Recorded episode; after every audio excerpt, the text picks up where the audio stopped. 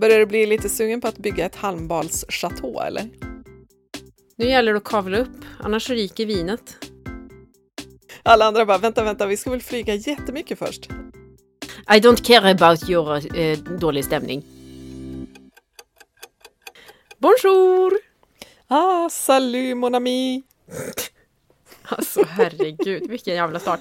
Vi ska snacka Frankrike. Vi ska inte ta det här avsnittet på franska ska jag säga. Nej herregud, då blir det kort. Då blir det jävligt kort, då är det slut nu.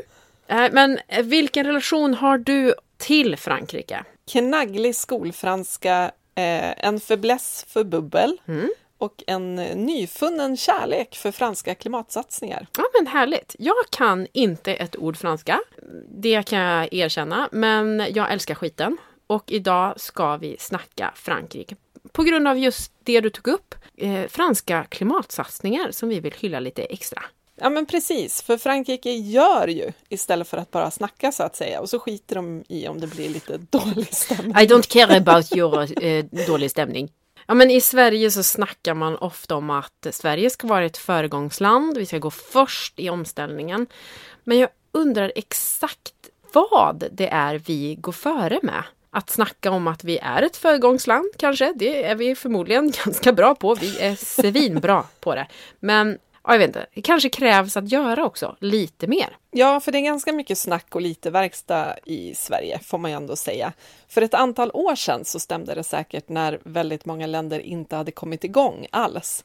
Men nu tycker jag det är ganska länge sedan vi faktiskt gjorde något som är i framkant. Ehm, the Swedish proposal i EU med utsläppsrätterna, det är ju liksom det stora undantaget, för det var ju en bra grej Eh, och som gör väldigt stor skillnad globalt. Liksom. Men på nationell nivå, ah, så himla mycket händer det Nej, väl men då, inte här. vad är det som Frankrike gör så bra då? Ska vi snacka om Paris först? Det är ju ändå liksom huvudstaden i Frankrike. Mm. Ja, fan, alltså jag, det, jag vet inte riktigt var jag ska börja, men jädrar i havet vilken elektrisk motor för omställning Paris faktiskt är.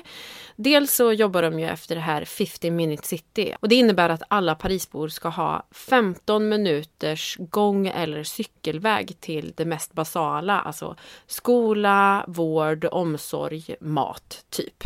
Mm. Så att ingen ska vara beroende av bil. Alltså så jädra bra. Det ska sägas, det här avsnittet kommer ju bli lite upprepningar, för mycket av det här har vi nämnt i olika avsnitt beroende på vad vi har pratat om. Men det är värt att liksom sammanfatta det, för att tänk om allt det här hade varit svenska idéer istället. Vilken grej, vilken stolthet man hade känt liksom. Ja, vi, vi kände att vi var tvungna att samla allting i ett avsnitt om Frankrike.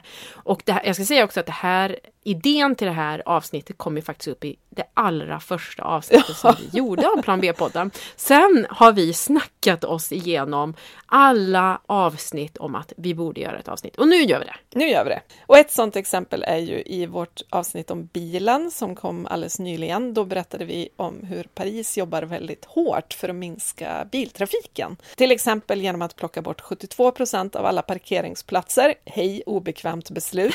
Ja. Eftersom staden ska vara cykelvänlig redan 2024. Mm. Man bara gör. Skitsamma om det blir dålig stämning. Ja, och man, just när man är trött på så här, eh, klimatneutral 2050, man bara, ge mig 2024 istället. Verkligen. Mm. Och ytorna längs Seine, den här fantastiska floden som, som ringlar sig genom Paris, där plockar man bort biltrafiken, vilket är helt rimligt med tanke på att det är ju där man vill strosa runt med sin baguette i, i högsta hugg. Och en vinpava under armen. Fan vad trevligt! Inte liksom insupa franska avgaser. Det blir ju också väldigt, de här grejerna liksom går ju ihop också. Alltså det blir ju väldigt mycket lättare att göra så att alla har 15 minuters gång och cykelväg till saker om det inte bara är bilvägar i stan. Ja. Så att det här är liksom, de gör ju olika satsningar som flätar in i varann så att den ena driver den andra. Och det är ju väldigt, väldigt smart. Ja, och sen så finns det ju också en stolthet kring de närliggande jordbruken. Alltså, och det här saknar jag i svenska städer. Just att man är stolt över eh, matproduktionen som ligger nära och liksom för in dem i stadskärnorna, säljer dem och hyllar det som sker på landsbygden. Jag tror att det blir en bra eh, relation mellan stad och landsbygd på det sättet. Och det vill jag se i Sverige. Och en annan vass grej med Frankrike är ju deras vassa klimatlagar. Eh, det är värt att säga här att Frankrike bara kör. Alltså Frankrike är en del av EU mm. eh, och borde väl kanske egentligen, om man ska vara korrekt, ta mer hänsyn till EU-lagstiftningen. Men det gör man typ inte, utan man bara, ja, nu, nu har vi infört en fransk lag här borta och eh, fuck it, liksom.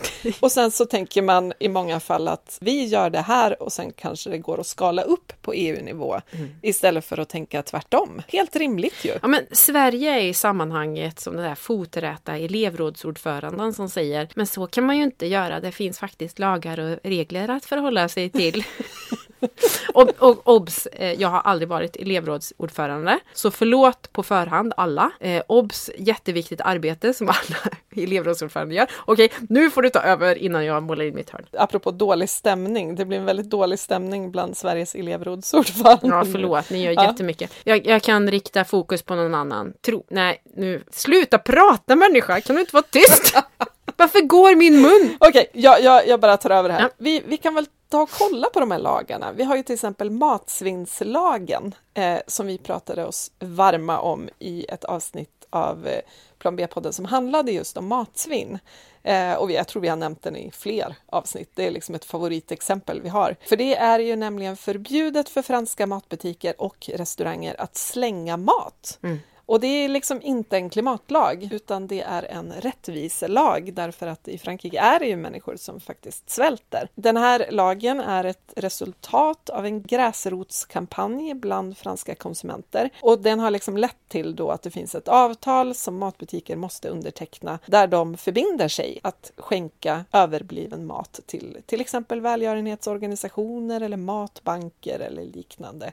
Och om man är ett livsmedelsföretag på något vis och bryter mot det här, då kan man tvingas betala böter på 3750 euro. Mm. Så det kan ju vara en ganska saftig kostnad om man är en restaurang. Alltså så... Bra grej! Ja, och så vettig. Vi får inte glömma att eh, vi är en del av opinionen. Vi har möjlighet att påverka såna här grejer och faktiskt pressa på att det här sker också i Sverige.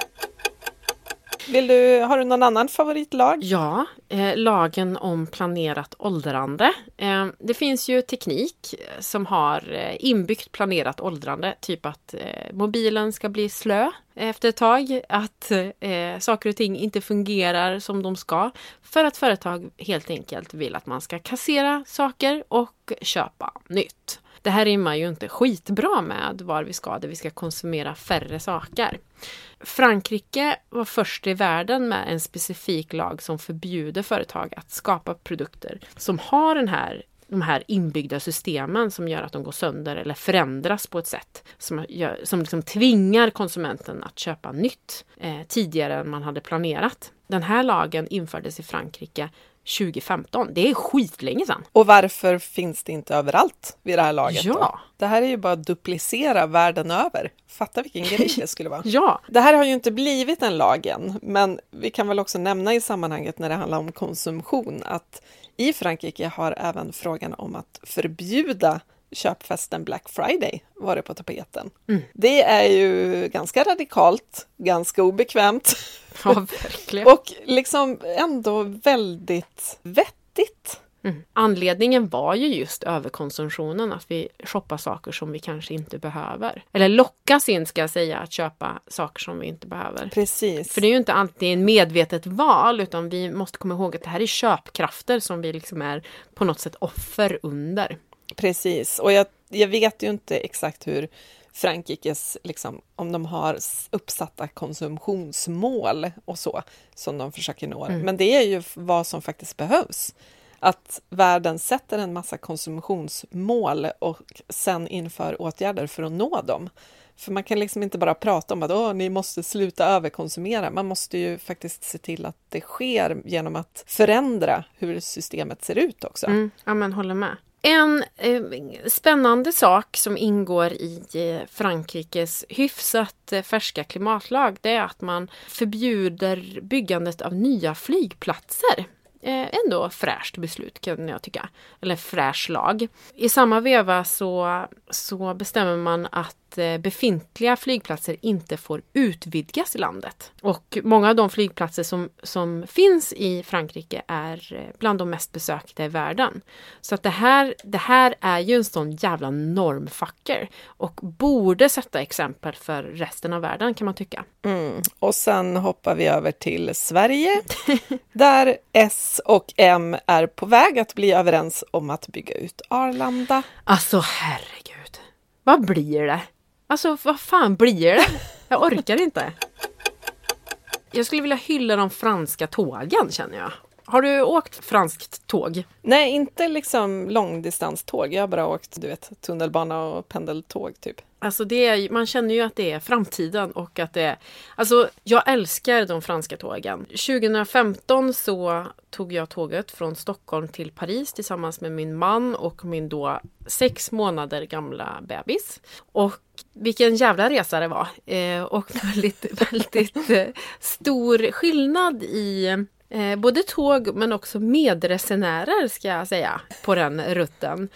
Eh, när man var i Sverige så satt alla och kollade på sina mobiltelefoner och var helt tysta. Men så fort man kom över till Danmark och eh, rälsade ner mot kontinenten så började folk prata med varandra. Det var väldigt härlig och fin stämning. Det var verkligen en resa. Um, och väldigt enkelt att ha, ha, ett barn med sig för folk lekte till tut och var verkligen engagerade och härliga. Och träffade så många intressanta människor apropå det här med att folk ofta säger att man ska resa för att upptäcka andra kulturer. Mm. Ta tåget, säger jag bara. Det var också en upplevelse att kliva ombord på de här supermoderna franska tågen eh, som bara andades framtid och där fanns till och med en liten bar där man kunde köpa sig ett glas champagne såklart. och eh, det fanns skötbord på alla toaletter, vilket det absolut inte gör på svenska tåg. Det känns som att de har kommit väldigt, väldigt långt och det var ju en fantastisk upplevelse att svischa fram assnabbt i de här höghastighetstågen och se liksom eh, små stenbroar och franska chateau och eh, små gulliga pittoreska byar. Om du någon gång funderar på att ta tåget till Frankrike, bara gör det. Ja, men och det här är ju liksom inte... Det, det, är ju inget nytt. Det är det som är så fantastiskt, att de här snabbtågen då, höghastighetstågen som heter TGV, de började ju Frankrikes regering finansiera 1976. Herregud.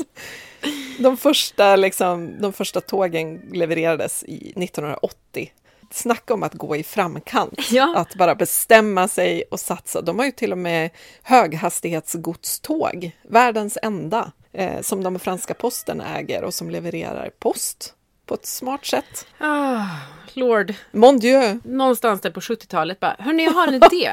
Jag tror att det är med tåg i framtiden. Alla andra bara, vänta, vänta, vi ska väl flyga jättemycket först. Ja.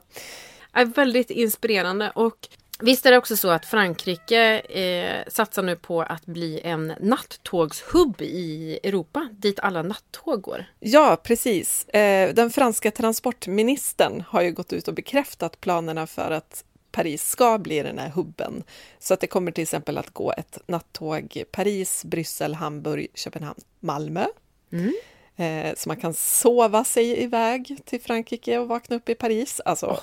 Hur härligt? Alltså så härligt. Jag gillar ändå tanken på att resa sovandes. Ja, jag gillar Jag tycker det låter bekvämt. Ja, men ja. ja, det här ser vi ju fram emot. Och också härligt i att Frankrike är liksom så jädra mycket i framkant. Jag tänker att vi vill som medborgare bo i ett vasst framtidstänkande land. Mm. Att det gör väldigt mycket med oss att känna stolthet för det landet som vi bor i. Börjar du bli lite sugen på att bygga ett halmbalschateau eller? Skoja min doja! alltså om det, inte, om det liksom inte work out här i Värmland, då drar jag. Det händer ju en massa andra saker också. Från och med 2030 så ska minst 20 procent av butiksytan i större affärer i Frankrike användas till försäljningen av förpackningsfria varor. Mm. Och det här är ju ett av de liksom, beslut som fötts på ett ganska speciellt sätt, eller hur? Ja, Gula västarna protesterade ju mot höjd bensinskatt för några år sedan. Och vad som hände då var att eh, det tillsattes en medborgarjury eh, som skulle verka för en rättvis klimatomställning. Och den tillsattes eh, 2019 då. Eh, och det var, var, faktiskt i kölvattnet av de här protesterna. 150 slumpvis utvalda fransmän fick då i uppgift att ta fram förslag för hur eh, Frankrike skulle sänka sin, eller ska sänka sina utsläpp med minst 40 procent till 2030 och på ett rättvist sätt också. Så mäktig grej att vara en del av. Ja, så grymt! Och så grymt att ta in folkets röst. Precis, och jag tycker också att det är häftigt att Macron då uppmanade liksom de här 150 fransmännen att de skulle tänka stort. Mm. Och sen lovade han också att de här förslagen de la fram, de skulle det röstas om. Antingen en folkomröstning eller den franska nationalförsamlingen. Så att det var liksom inte bara så här på pappret, kom med lite härliga förslag så att det ser ser ut som vi gör något, mm. utan tanken var verkligen att en, åtminstone en del av förslagen ska drivas igenom. Juryn presenterade 150 förslag i juni 2020 och det var ett förslag per varje medborgare som liksom deltog i arbetet, vilket jag tycker är väldigt fint, att alla fick liksom möjlighet att säga sin sak eller komma med ett förslag. Förslagen handlade om allt från att göra ekocid till ett brott, att det är brottsligt att förstöra miljön och att förbjuda reklam för fossila produkter produkter. Rimligt. Precis. Det var också inkluderat att om sån reklam ändå förekommer på något vis, då ska det vara en sån här varningstext, typ Behöver du verkligen detta? Överkonsumtion skadar planeten. Alltså, så jävla bra. Lite som rökning liksom. Ja. Eh, och det var, alltså jag tycker det var mycket häftiga förslag. Och det här låter ju kanske lite konstigt, men bland annat så ville man låta renovera 20 miljoner lägenheter vänta nu, klimatsatsning. Men hela tanken var att de skulle bli mer energieffektiva, inte snygga för Instagram. Eh, och sen så ville de också förbjuda alla bilar som släpper ut mer än 110 gram koldioxid per kilometer redan 2025. Och det här skulle liksom betyda att nästan alla fransmäns bilar skulle behöva parkeras för gott. Mm. Hallå, obekvämt! Mm. Ja, så jävla eh, obekvämt. Precis. Och sen så ville de också förbjuda såna här hypermarchés, alltså såna här gigantiska mataffärer som ligger utanför städerna som alla tar bilen till. Mm. För att både då få ner bilåkandet men också göra stadskärnorna levande eh, så att man inte behöver åka så långt utan det kan ligga matbutiker närmare. 15 minute city ja. till exempel. Rimligt! Och en sån här medborgarjury skulle man ju vilja ha i Sverige också. Också så jävla smart grej tycker jag, att man så här, tillsätter en sån här jury eh, slumpartade personer från olika delar av landet och får liksom folkets röst, vilket gör att det blir enklare att driva igenom förslag för att det är folkets idéer eh, snarare än att liksom, idéerna kommer ifrån politiska partier. Så jäkla genialt sätt att driva igenom idéer som jag gissar ja. att många står bakom för att folket har fått säga sitt. Ja men verkligen, då är det ju inte att köra över folket utan det är verkligen att lyssna. Mm. Det, det är ju någonting som gynnar en politiker också, alltså att det märks att man lyssnar. Varför tror du att det händer så mycket i Frankrike? Då? Ja, men det kanske, det kanske ligger i generna. Nej, men alltså, så här, om man ska tänka fördomsfullt så ser man ju framför sig en fransman som pratar väldigt mycket och fort och viftar med händerna, alltså mycket åsikter liksom, medans svensken är lite mer försiktig och diplomatisk och inte vill ta för mycket plats och jante och allt det där. Mm. Och jag tänker mig att det ändå finns någonting väldigt bra i det där att franska medborgare är vana att höja rösten. Eh, och det är ju så man får igenom samhällsförändring. Att med nästan all typ av stor samhällsförändring börjar ju med att medborgare protesterar mm. eh, och kräver förändring. Liksom. Så att jag tänker, och det var ju såklart gula västarna också ett exempel på men jag, jag, tror verkligen att det finns någonting väldigt, väldigt viktigt i det här att våga tycka att staten gör fel och säga det. Ja, men också så smart sätt att, att faktiskt lyssna in folk. Istället för att säga till gula västarna och att säga så här, era protester är fel, det är dumt, dumt, dumt, så säger man så här, oj, ni verkar vara många som har någonting att säga. Vi vill gärna lyssna på vad ni har att säga, för vi vill hjälpa er att det här ska liksom eran röst blir hörd samtidigt som vi har då klimat och miljömål att hålla oss till. Och den här inlyssnande taktiken tror jag så jädra mycket på. Ja men verkligen. Och det är ju också någonting rimligt i att det inte ska vara antingen eller. Typ antingen så höjer man bensinskatten och kör över folk mm. som verkligen är beroende av bensin i sin vardag. Mm. Eller så skiter man i klimatet och sänker bensinskatten. Alltså det behöver ju inte vara så svart eller vitt, utan det kan ju vara att vi måste höja bensinskatten, PGA, klimatkris. Men ja. vi ska göra det på ett sätt som innebär att det drabbar individer så lite som möjligt. Och hur mm. gör man det? Ja, man lyssnar på de individer som drabbas först av det. Ingen gul väst ska hamna i kläm, utan få hjälp att ställa om. Sen så tänker jag också så här att det finns en mentalitet bland fransmän i att man bara kör. Alltså man bara tänker att Frankrike är the center of the world. Och att det inte, alltså det kan ju både vara bra och dåligt kan jag tänka mig. Eh, men i klimatsammanhang så kan det ju vara något väldigt positivt i att säga, men vi kör, EU får eh, lunka efter om de vill, för vi, vi vill göra de här satsningarna eh, i don't care. Ja men precis, för det, vi intervjuade ju han som drev igenom den här matsvinnslagen till exempel. Ja. Det ligger en intervju med honom på Klimatklubbens hemsida och han var ju väldigt tydlig med att liksom, ja okej, okay, EU är inte riktigt med i matchen än, men vi kan väl börja här och så kan det bli på EU-nivå sen. Om vi visar att det är möjligt så går det ju att skala upp det över världen. Exakt. Eh, någon måste gå före liksom och då kanske man får vara lite rebellisk i början och tänka ja okej, okay, det här är, rimmar inte med EUs lagstiftning, men då är det ju EUs lagstiftning det är fel på, ja. inte idén. Liksom. Alltså så jädra kaxigt. Det är så jädra kaxigt, det är så bra. Jag, jag hittade lite fler saker som den här klimatlagen också innebär. Mm. Vill du höra? Ja. Ja, men till exempel så måste skolmatsalar erbjuda minst ett vegetariskt mål per vecka. Och det här är ju såklart inte jättekonstigt för oss, för här, jag menar, jag har ett vegetariskt barn, han får ju vegetarisk mat varje dag. Mm.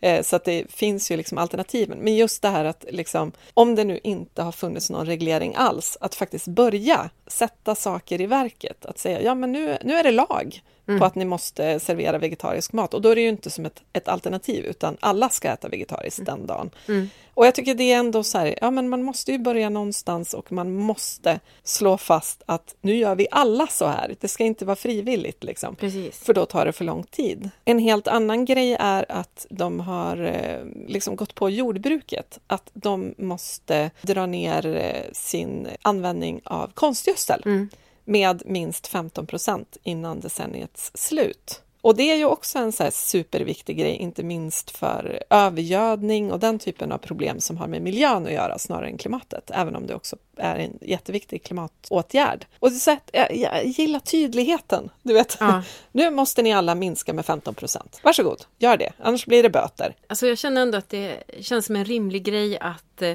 ta tåget ner till Paris för att, för att göra ett reportage om vad som faktiskt sker där för att eh, få in alla röster i det här. Gud, man vill ju veta mer, tänker jag, om Frankrike. Precis. Sen ska det ju såklart sägas att Frankrike inte är perfekta på något vis. Inget nej, Gud, land nej. är perfekt när det gäller klimatet. Eh, nej, men Frankrike är ju långt ifrån perfekt. Brottas med främlingsfientlighet och en massa skit såklart. Eh, som vi inte tar upp i det här avsnittet av eh, Plan B-podden. Men vi fokuserar såklart om Eh, på klimat och miljö. Men och inte heller där är de perfekta. Eh, vi har ju valt att plocka, upp, plocka fram några exempel på där de gör ganska vassa bra saker. Men eh, inget land gör tillräckligt kanske vi ska eh, poängtera. Nej, precis. Eh, den här franska klimatplanen handlar till exempel om att de ska sänka sina utsläpp med 40 procent innan 2030.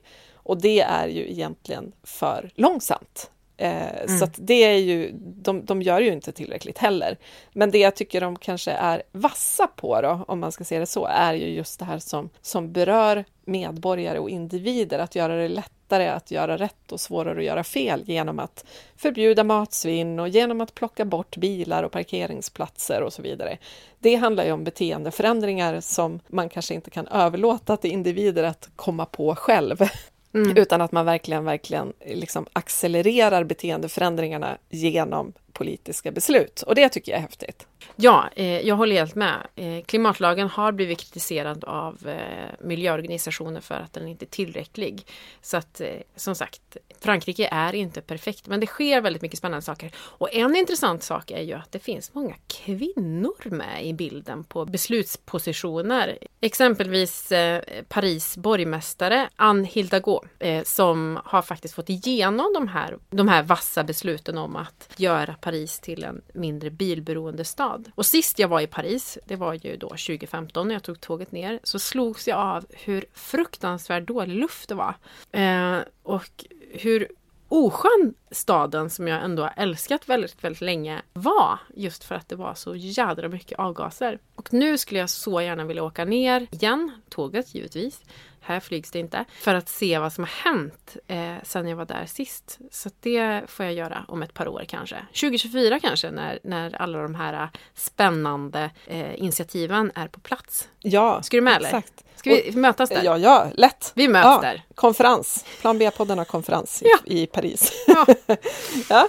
Men jag tycker också att någonting som också säger något är att här, Sverige har ju en, en eh, klimat och miljöminister. Just nu en väldigt nytillsatt sån. Det är ju jättebra, det är klart vi ska ha det, men min bild av den rollen är kanske mer att lite grann så här, hindra miljö och klimat från att förstöras för mycket. Mm. Medan Frankrike har en minister för ekologisk omställning. Uh, Och det tycker jag låter mycket mer så här proaktivt och framåt, alltså visionärt Mm. på ett sätt. Att det här är liksom ett departement då, antar jag, som hon leder, för det är en kvinna, eh, som, som verkligen handlar om att så här, hur ska vi driva igenom en grön omställning? Och det känns så himla mycket vettigare tycker jag. Eller man kan ju ha både och. Det har kanske också Frankrike, det vet jag faktiskt inte. Men just att ha en att det handlar om att systemförändra och det hörs när man ser vad hon har för titel. mm. Jag tycker det är en viktig signal. Liksom. Ja, det, sätter ju, det belyser ju vad man satsar på. Precis. Men sen så tänker jag också så här. Eh, i, I ett tidigare avsnitt av Plan B-podden som handlar om kvinnor eh, och klimat då, så tog vi upp en undersökning som kopplade an till eh, pandemin. Eh, och eh, den gjordes ganska tidigt in i pandemin så jag vet faktiskt inte hur den uppdaterade versionen är. Eh, Men i eh, den här undersökningen som gjordes så såg man att länder som eh, leddes av eh, kvinnor tog människans väl och ve i, i liksom första rummet medan eh, ekonomin stod i fokus i länder som styrdes av män. Mm. Eh, och det här blir väldigt intressant när man pratar om klimat eh, i att kanske människan och andra arter, det viktigaste är inte ekonomin, utan det viktigaste är att människor överlever eller mår bra. Eh, och det är ju i allra högsta grad aktuellt när man pratar om klimat. Så att just att man har, eh, förvisso ingen eh, fransk kvinnlig president, men att det är många framstående eh, kvinnor på poster som gör väldigt vassa grejer. Verkligen. Tänk vad de skulle få gjort om de hade en kvinnlig president då kanske. Ja, men, ja precis. Spännande tanke. Ja, och där kanske, med tanke på att Sverige nu har fått sin första kvinnliga statsminister, vågar man hoppas att det kanske spiller över lite kvinnlig eh, klimateffekt på saker och ting då? Kanske? Ja, men det får vi väl fan hoppas. Ja, ja Ursäkta jag hoppas också det. Jag skulle vilja avsluta det här avsnittet om Frankrike med att eh, ja, men snacka lite mer Paris. Får jag göra det? Ja, det får du göra. Paris drivs då eh, av en eh, koalition av eh, partier och i koalitionens valmanifest så har man eh, blivit ganska tydliga med vad staden Paris ska vara, liksom, vara för någonting.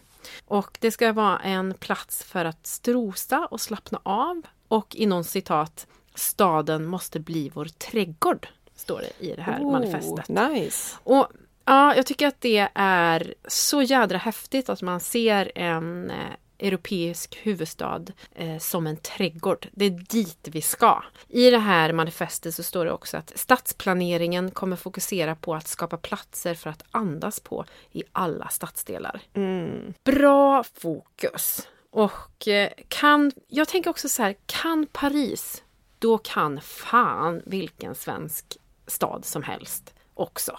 Ja, för Paris är ju en stor jävla stad alltså. Ja! Det, och ursäkta kan... svordomspodden men alltså. Ja, ja, ja. Nu, ja. Nej men och det är ju också, alltså grejen är ju att eh, Paris, i och med att det ligger där, där det ligger, så har det också börjat känna av klimatförändringarna ganska tydligt. Alltså värmeböljor i Paris numera är inte roliga, vi snackar kanske 42 grader. Mm. Eh, så att det är ju väldigt påfrestande för barn och för äldre och för sjuka. Alltså det handlar ju om verkligen folkhälsan i stan mm. också att verkligen, verkligen göra vad man kan för att det ska bli en, en levnadsmiljö som funkar på sikt här. Eh, och kanske är också fransmännen lite stressade nu eftersom det franska vinet är, är, är hotat eh, på grund av klimatförändringarna. Ja, faktiskt. Franska stoltheter liksom. Nu gäller det att kavla upp, annars ryker vinet. Jag såg också någonstans att eh, för ett par år sedan så var det på gång hela 8000 projekt som handlade om att göra Paris mer gångvänligt. Mm, coolt! Så bara en sån sak att man verkligen, verkligen gör många små åtgärder och tillsammans så förändrar det hela stan. Alltså, alltså vi måste åka dit! Vi måste ta tåget dit! Okej, vi, vi, nu får vi stänga ner det här poddavsnittet. Vi måste dra till Paris, ja, eller? Precis. Omikron kanske inte ska följa med, så att vi kanske ska avvakta lite grann. Ja, vi får vänta. Vi får och eh, under tiden träna på den eh, franska vokabulären, så inte jag säger orvar. Okej, ja. men det här var då årets allra första avsnitt och det blev ett bonusavsnitt. Jo. Så nu, ja. inser, nu förklarar jag poddåret 2022 invigt med en skål i bubbel. Ja, vive la France! Vive la France! Orvar! Hej då! Hej då!